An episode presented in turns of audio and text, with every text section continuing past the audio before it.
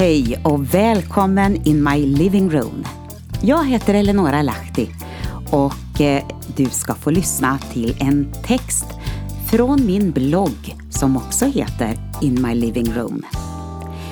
Idag har jag en ganska lång text som jag ska läsa men jag tror att den kommer att fånga ditt intresse. Var välkommen!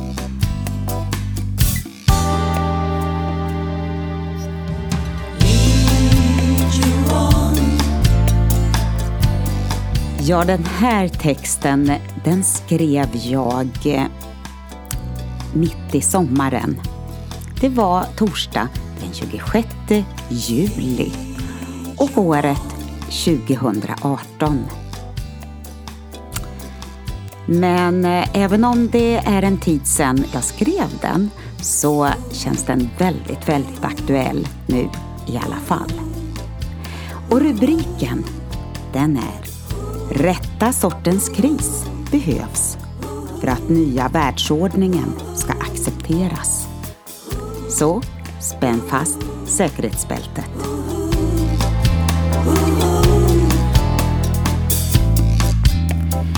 Nu är det dags igen.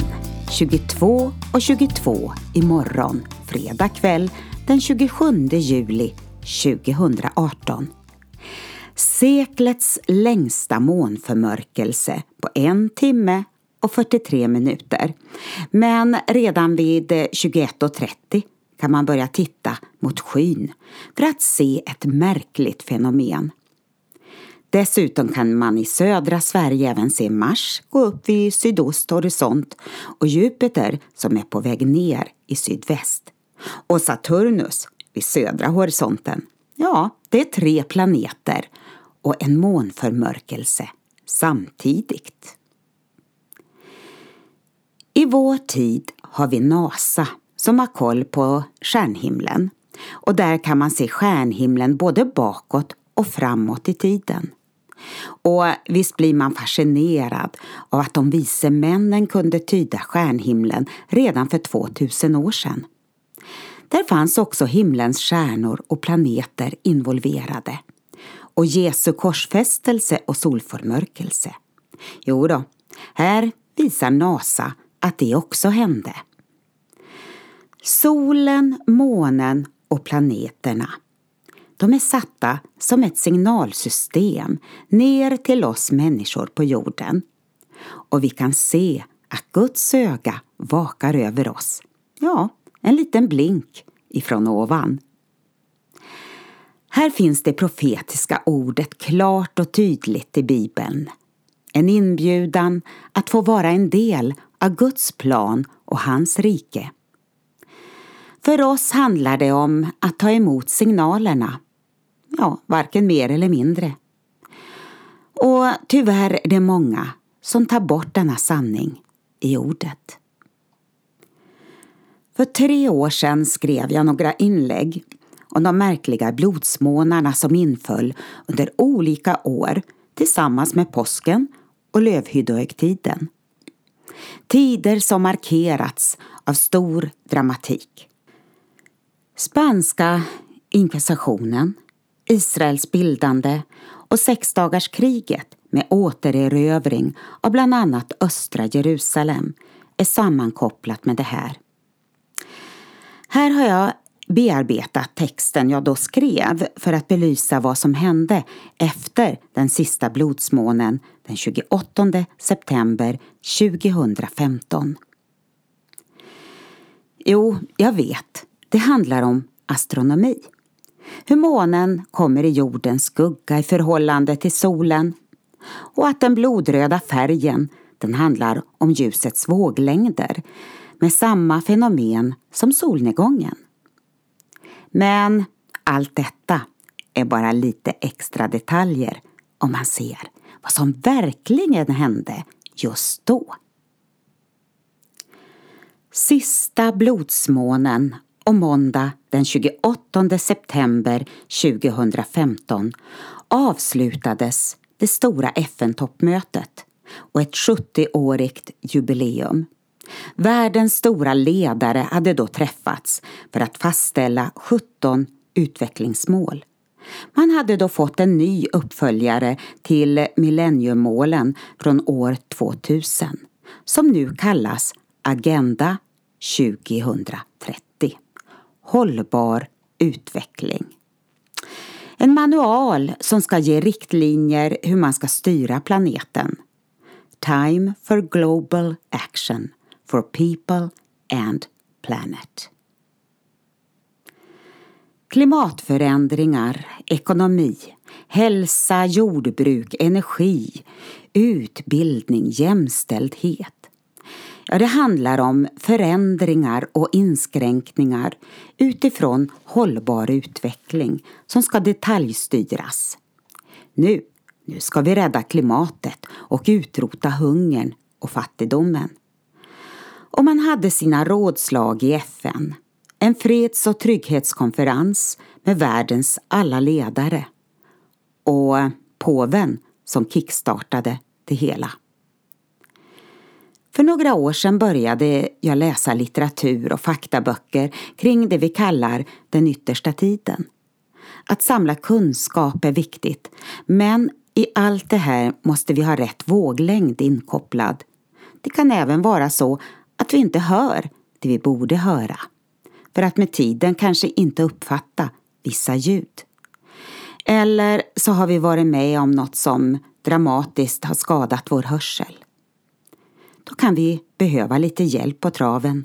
Och den helige Ande vill vara vår lärare och vår hjälpare. Sommaren 2015 fick jag av en händelse se att det skulle vara ett stort FN-toppmöte i New York. Helt plötsligt bleknade för mig en del andra spekulationer kring händelser i september. Alla världens ledare och påven. Och FN-toppmötet avslutades måndag den 28 september samtidigt som den sista blodsmånen syntes på himlen. Och i Jerusalem såg man den som störst, supermoon. Det låter så fint för vi alla vill ha fred, lugn och ro en jord att vårda sig om och se till att alla resurser räcker till världens befolkning. Politiska konflikter, ekonomiska problem och religiösa sammandrabbningar kräver lösningar. En världsregering, en världsekonomi och en världsreligion. Förförelse innehåller alltid några sanningar. Efter att vi bott några år i Israel började jag åter arbeta som lärare. Året var 2003 och jag kunde inte förstå att helt plötsligt hade ett nytt begrepp dykt upp i skolans värld. Hållbar utveckling. Det finns med i skolans läroplan och vi ska undervisa om detta bak och framlänges. Hållbar utveckling. En del av millenniemålen som sattes av FN år 2000 för att uppnå olika delmål fram till 2015.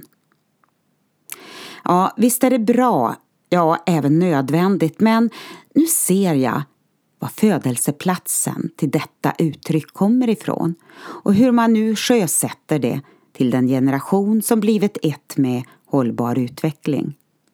Det ska kännas bekant och självklart, det man beslutar sig för. För nu börjar det. Global Action for People and Planet. Och globaliseringen. När jag hör resonemang som vill avfärda det här om blodsmånarna, då blir jag faktiskt beklämd. Man gör en generalisering och talar om att det skulle vara astrologi. Nej, det är astronomi, sammanvävd med den judiska almanackan. Här finns Herrens högtider inskrivna, en evig ordning. Det låter för mig som ett enkelt sätt att slippa sätta sig in i det som händer. Att bortförklara de signaler som himlen sänder till en fallen värld. Att vara så sund och balanserad för att man ska vara trovärdig. Det är lika bra att kliva på tåget. Det är övernaturligt, det kristna livet, och måste få bli det mer och mer. Tiden håller på att rinna ut och Jesus kommer snart tillbaka. Då är det inte balanserat utan det blir full dramatik på alla fronter, överallt och utan möjlighet till ljus framtidstro för jordens barn. Om stenar kan tala, ja metaller från stenar som nu används i bland annat datorer, och eh, om berg kan kasta sig i havet så kan himlakropparna också kommunicera. Konstigare än så är det inte. Inte för mig i alla fall. Vi har en oerhört intressant tid framför oss. Och nu gäller det att vara inkopplad på rätt våglängd så att vi hör det vi måste höra i den här tiden. Nu när jag håller på att avsluta mitt inlägg, ja, året var då 2015, då går det att läsa om hur projektiler från Syriens inbördeskrig råkar landa i Israel och Israel svarar tillbaka för att försvara sina gränser. Det händer nu. Och det här skrevs den 27 september 2015, den sista blodsmånen. Jag ska låta under synas uppe på himlen och tecken nere på jorden. Blod, eld och rök. Solen ska vända sig i mörker och månen i blod innan Herrens dag kommer, den stora och härliga. Och det ska ske att var och en som åkallar Herrens namn skall bli frälst.